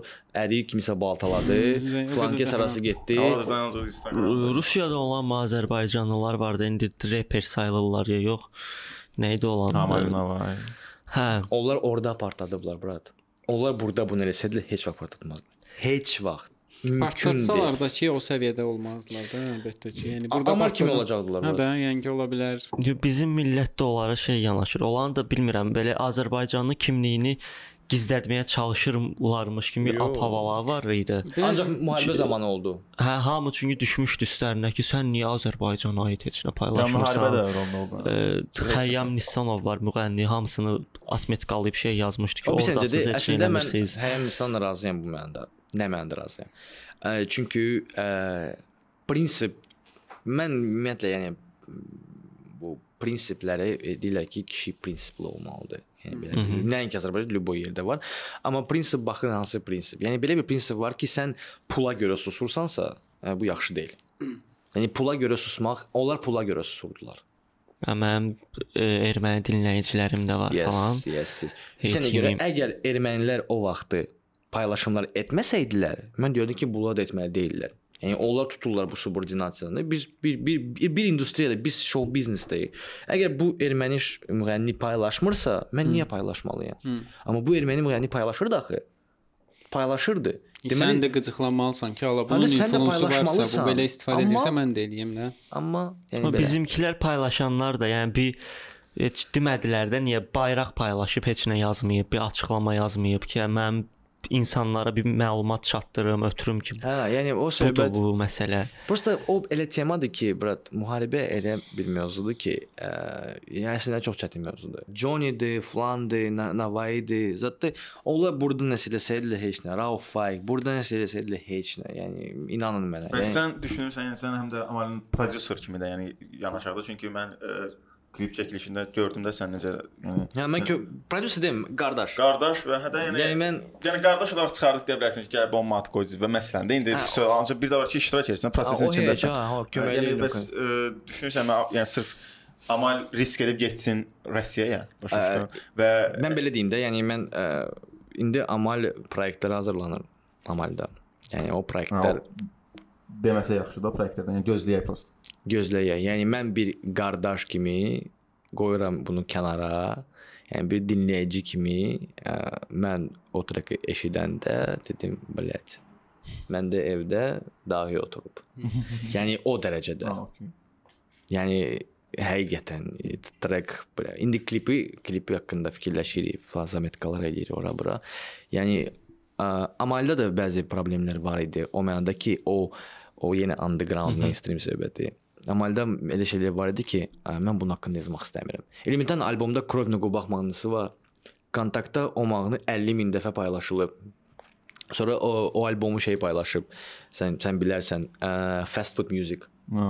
Biz elə bilirdik ki, bunu promo eləyiblər kimsə, qazsa onlar özləri paylaşıblar. Məqalə yazıblar. Sonra bir dənə jurnal var, tipi Esquire fason jurnal var idi. Tipi yayın, yox, ə, bu fəslin albom desən payızda çıxmışdı. Bu fəslin 10 ə, ən yaxşı albomu. Bu kontaktda olmuş da, yəni paylaşmış. Yo, bu konkret saytdır. Sayt Tipi məsələn, GQ, Esquire kimi jurnaldır. E, mən prosta elə belə random girdim ora ki, mən hərdən girirəm. E, mən tapsam göndərərəm sizə bura qoyarsınız. 10 albom, ə, fəslin 10 albomu bunlara mütləq qulaq asmaq lazımdır. Orda Ed Sheeran'ın Shape of You albomu var idi, Beyoncé-nin albomu var idi, Lemonade var idi, mənim qardaşımın albomu var idi. Onu Warner-dan görmüşdülər, yəni o Onu bilmirəm hardan görmüşdüm. Prosta bunun haqqında məqalə yazdılar. Mən afigez elədim dedim necə yəni yəni elə adlar qoyublar sonra Masla Jordan Twin də var idi orada. Mənim qardaşım var. Sonra bir dənə kanal var idi. Yəni Rusiyada çox paylaşdılar əslində. Bax məncə Amal indi Rusiyada olsa Amal qazanar. yəni. 100%. Amma Rusiyada yaşasaydı amma çoxdan partladacaqdı. Partladan hava, yəni hal-hazırda indiki yəni vəziyyətdən belə yəni pul qazana bilər. Çünki Rusiyada heç, heç biz tanımadığımız, yəni hip-hop Hamı qazanır. Hamı qazanır. Hamı qazanır. Məsəl üçün tanışlar gəlir Rusiyalılar baxırlar bizim reperlərə, bizim uşaqlara göstərirlər ki, ola baxırlar ki 7 milyon, 9 milyon baxış var. O deyir siz burada nə yəni Lamborghini sürürsünüz. hə deyir, hə Lamborghini 52 nömrəli avtobus. Lamborghini bilin. Hərdən bir drift eləyir Hə, yollarda. də avtobus bahadır, brat 100 min. Hətta bu deyir ki, çünki bizdə 500 min reper уже всё bilin. Mercedes az, Hə, də, kayfuy da. Çünki Ən azı stream- partilərə gedir və çıxış Ən azı tanımasın. konsertlər. Bizdə ümumiyyətlə konsert bizdə əslində ikinci problem niyə görə reperlər qazanmır, konsertlər yoxdur. Hmm. O da reperlərin problemi deyil, o başqa problemdir. Onun haqqında danışmaq Bizə lazımdır. eləyəcək onu. E, söhbət ondandır ki, yəni konsertlər prosta imkan yoxdur konsert eləməyə. Hmm. O deməkdir ki, heç kim istəmir. Prosta imkan yoxdur. Nə vaxtsa bəlkə də buna imkan yaradacaqlar və kəllə-kəlləyə bunun üçün böyük bir addımlar eləyir. Və buna görə onlara bomba respektdir, amma mən mm, Unitalk verilişində demişəm ki, kəllə-kəlləyə, kəllə-kəllə proyekt proyekti ə, proqresə ə, təsir göstərməlidir, amma proqresin mexanizmi olmamalıdır. O disrespect deyil. Respektdir. Prosta reperlər indi hamısı istəyir battle etsin. Hamı battledan danışır. İndi biraz gördünüz o EP ilə şey oldu. Mazi görüşdülər. Nəsə Efraim. Efraim söhbəti düşdü. Əslində bu battle çox maraqlı olacaq. Səncə? Məncə. Kapsnet necə? Biz elə ondan Kimə- danışırdıq bir ara ki, onu da söhbətindən Məncə o o battle-da biz Kimə kim, kim qalib gələcək? O battle-da qalib gələn o insan olacaq ki, onun yumor hissi daha güclüdür. O battle-da yumor qalib gələcək. O battle-da belə ə, zloy punchlar, biflər, rap haqqında o qalib gəlmir. Orda o bat çünki Kstati, yenə qayıdaq bu rus sektor söhbətinə. Mən kiməsə dedi ki, mən epini bəyənirəm, mənə deyirlər ki, "O, necə bu epini bəyənə bilərsən?" Hmm. Epinin treklərini yox, mən epini bəyənirəm. Hmm. Çünki epi ə, flow olaraq ə, yumor olaraq. sözləri çıxıram. Mən heç kim trek olmaq maraqlı deyil. Mən xoşuma gəlir. Mən mənim 17 yaşım yoxdur, 15 yaşım yoxdur ki, mən buna qulaq asım, o bomba söz deyib deyim. Bir iki trek çıxmaq şərti ilə Əkbər Novruzlu çox xoşuma gəlir bu trek. Amma o biri trek, amma epi olaraq potensial var insanda. İnsan fərqlənir. Yəni onun bu ə, defekti də onu fərqləndirir. Yəni onun cıcı deməyi də onu hamı cıcı deyir də, çoxsu cıcı deyir. Amma epi nəsə bunu başqa cür deyir. Söhbət də bizə nədir? Efraim də cıcı deyir. Efran da, Efran Cıcının da şey. Cığcığların Çıçıların savaşı. Epi prosta daha rahatlıqla uda bilər. Rahatlıqla deyəndə, yəni Daha kütlə rahat. qabağına çıxış çox eləyib, yəni o şey Təcrübə yaradıb, imici baxma. yaradıb. Amma Efraim qruz ata bilər insanlara. Bununla da götürə bilər. Hmm. Efraim çıx- Efraim biraz qruzlu insandır. Yəni o dəfə ondan verilişdə idi. Yəni qruz, qruzlu nə mənada? Yəni deyib gülür. e, Prosta belə Yükü var da. qıraqda qıraqda duranda belə yəni Hə. yay yayın cızğın vaxtı idi bilin kurtkada dayanmışdır. Amma sən nə edirsən? Xarakter. Ona baxıb tər tökürdü. Da belə, yəni. Efraim çıxdı çölə, siqaret yandırdı, qıraqdı. Şurada çəkdi, girdi. Yəni o o bir səncədə o söhbət var ki, sən Talpanın quruza salırsan. Belə bir ə, müğənni var, rapper, Little Sims. Bəlkə eşitmisiniz. Onun Venom treki var. O rapperdir, amma raverlərdən raverlərdən bomba bir rave eləyir. Onun treki var, orada ə, nəsə oxuyur. Sonra qoyur jump. İ, i musiqi başlayır. Hamı bir Hə. festivalda hamı qruza girir festivala. Hamı belə oturub, sonra bir dənə moment cəmaət coşur. Hmm. İstər istəməz o qruz atmaq söhbəti o da qalib verə bilər. O deməkdir ki, sən biri var sən qruz atırsan belə ki, mənə mənə mənə mənə mənə belə qruz- amma sən emosional qruz atırsan. Onlar inanırlar ki, sən qruzdasan konkretlə və onlar da o qruzu yaşamaq istəyirlər. Və dinləyici ona görə artır ifaçılarda. Dinləyici ifaçıda bilsən reallıq görür. O görür ki, bu nəyisə nəyəsə görə etmir. E, bu bu insan belədir. Niyə görə belə baxırsan, Şəhriyar niyə görə partlatdı? Çünki Şəhriyar individualdır. Pastor individualdır, Epi individualdır, Rızanın özü individualdır. FTB individual. Mən FTB çox xoşuma gəlir. Prosta treklərinə qulaq asa bilmirəm çünki məncə biraz ə, həm mövzudan, ya mövzu baxımından FTB Maraqlı tərzlə başlamışdı. Amma amma Çox tərzi, maraqlı amma tərzi FTB-nin səsi, səsin tonu çox əladır, çox. Boğaz zot da eləyir o ümumiyyətlə belə. Hə, boğazlar da Bilirəm, boğazlar məsələ var, prosta-? E, Epinin elədiyi e, rep daha çox Azərbaycan sayağıdır. Hə, Epi belə deyim də, Epi ə, necə deyim, ə, sırf Azərbaycanlaşdırılmış rep eləyir. Ay sağ ol. Yəni Amma Efraim də daha çox Amerikan sayağıdır. ə, sən nə Yumorundan tutmuş, elə bil ki, yumorundan, hə, referensləri götürsəm, məsəl üçün Blue Whale referens eləmişdi. Mən onu açıqladım ki, yəni Qoloboy kitdə hmm. o söhbət var idi. Mavi balina hamı bir-birini öldürürdü, challenge, hə, intihar edirdi. Yəni- məsələn Efraim qayıdır ki, mən abortdan sağ çıxmışam, başa düşdün. Bunu bunu O heç, o o yumor o yumor hissi başqa O yəni ən Yəni, pik yəni Yəni siz Wu-Tang Clan, mən Kokuz Klanam. Yəni bu Da, yəni əfsanə, bu. Hamı deyir biz Wu-Tang, Wu-Tang yəni. Prosta tema odur ki, yəni e, bu on, onda horror gedir də, horror yumor gedir Hmm. bunda və o öz yumor da azaddır. Hmm. Epi isə öz yumoru ilə e, yəni biraz kütləyə işləyir. Necə ki e, F- e, necə ki Əlixan, necə ki o birisilər, hamısı kütləyə. Və bu bu pis deyil.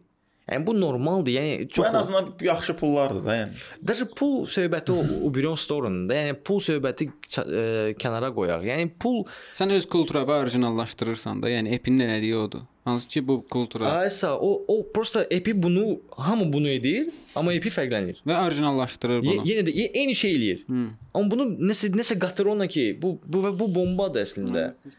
Prosta mən gözləyirəm də, mən gözləyirəm ki, ə, mən əslində epi hər şey bacarır. Epi любой tərzdə o, o deyə bilər.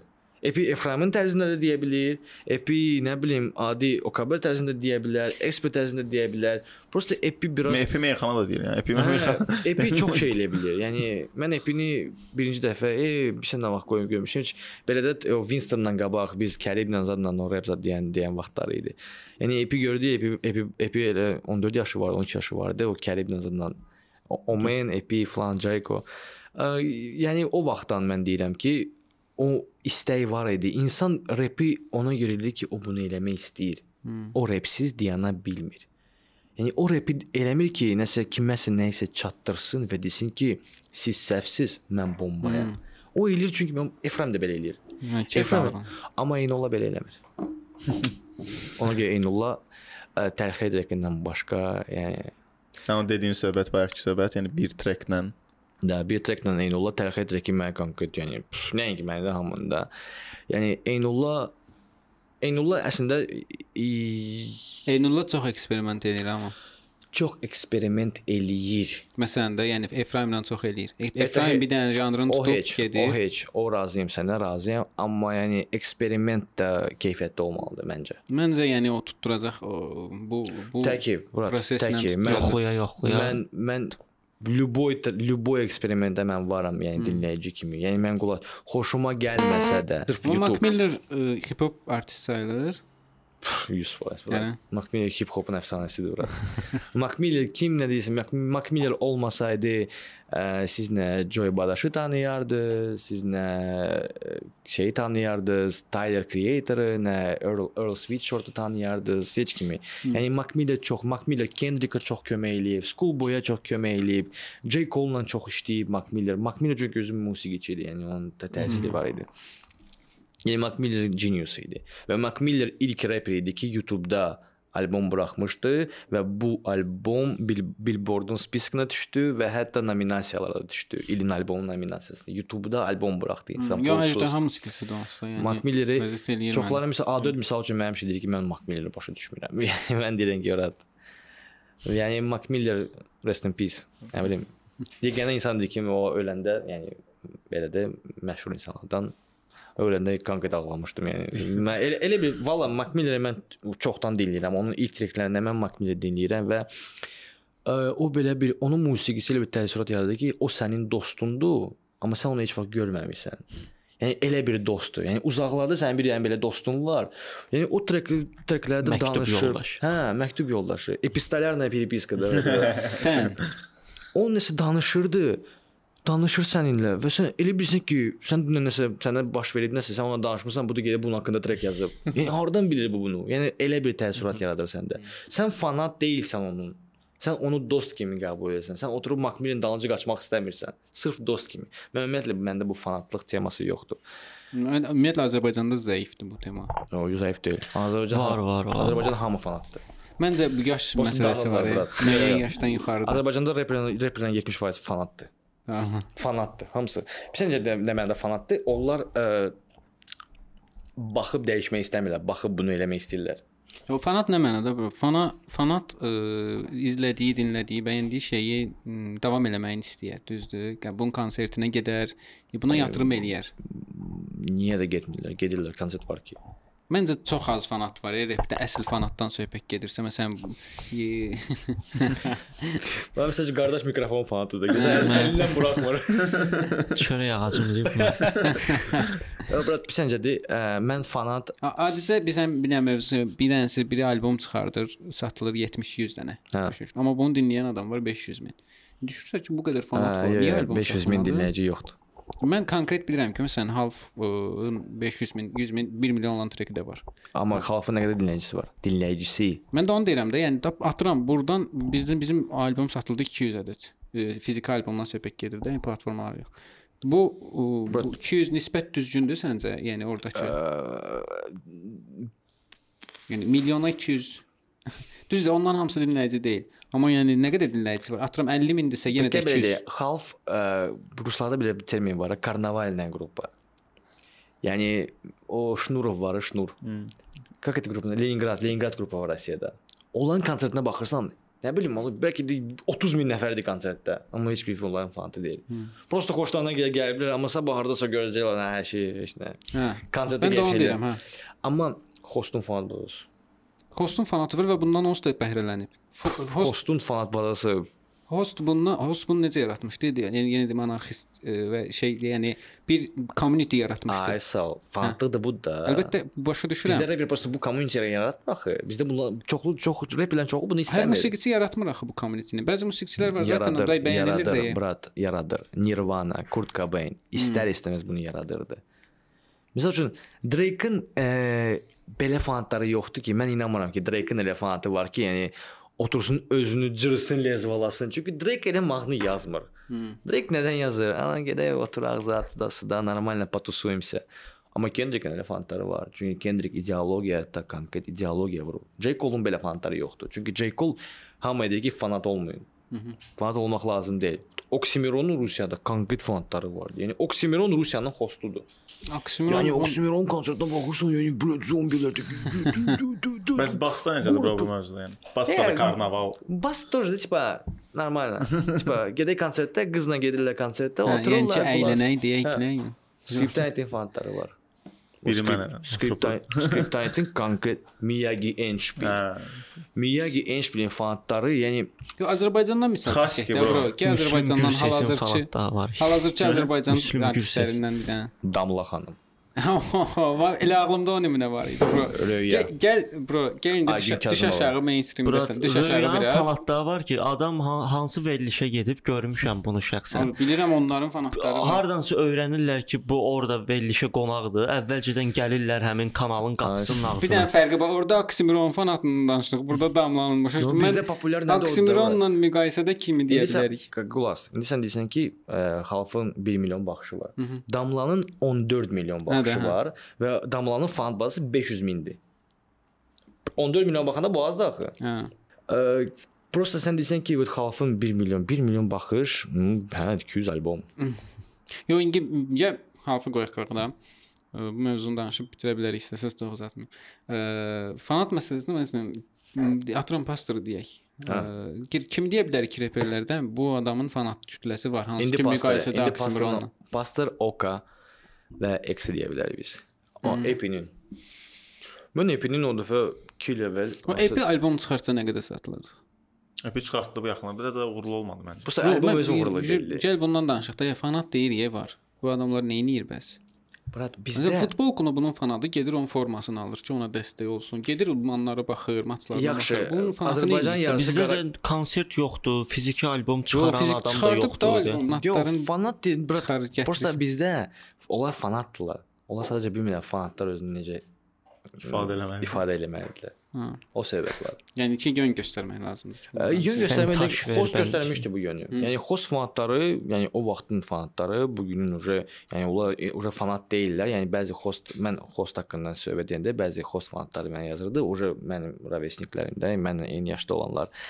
Onlar yazırlar ki, mənim biz hardasa səndən razıyıq hardasa, yəni konkret ə, konstruktiv diskussiya aparırdıq biz onlarla ki, dedi ki, prosta indi bəziləri hələ də bu kultun içində qalıblar, amma mən heyfslənmirəm ki, mən xostun fanatı olmuşam və mən xost mənim üçün çox şey verib. Mən bilmədiyim şeyləri xostdan Mən də çox adam öyrənmişəm. elə tanıyıram zaten. Hə, var və bu normaldır əslində. Prosta var zombilər. Sən də danışdığın fanatlar, bu sən dediyin röyanın qabı. O bu zombilər. Yəni bu pis mənada deyil. Yəni bu zombi demək, standlər. Hı. Yəni Eminemin sözünə. Bunlar standlər. Yəni onlar elə bilirlər ki, ə, onlar sənin on, onlara röyanın musiqisi maraqlı deyil. Onlara röya maraqlıdır. Və amma sən dediyin xalq qrupunun xalq bir ə, kult kimi deyillər axı. Onların musiqisinə qulaq asırlar. Mən özüm götürüm. Mən heç vaxt heç bir ə, ifaçının şəxsi həyatını araşdırmıram. Çünki nə qədər araşdırsan da orada sən sənin ə, düşüncəvi zidd olan şeylərə görə bilərsən. Ha. Yəni Luboy dahi insan əslində cındırdır. Yəni Luboy yoxdur elə. Çünki dahil yaxşı insanlar dahi olmur. Bu rəngli notlarla. Bu cümlə möhtəşəm. Bir dənə sual. Bu Azərtə kimi papaqdır, kepidir.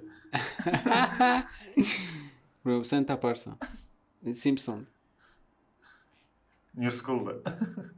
Ya ucu çox film. Понятно da, yəni ya, ya Efraimdir ya. ikisindən biri. Samir çox sağ ol. Okan gəldin. Elon Sağ ol. Musk. Kəpə görə çox. Bitirək bu. O 2 saat danışdıq. İndiyərək 10 min promo qədər danışdıq. Bir saata da yaxşı insanlar. Ahmet Ağarov yazır. Oy, biraz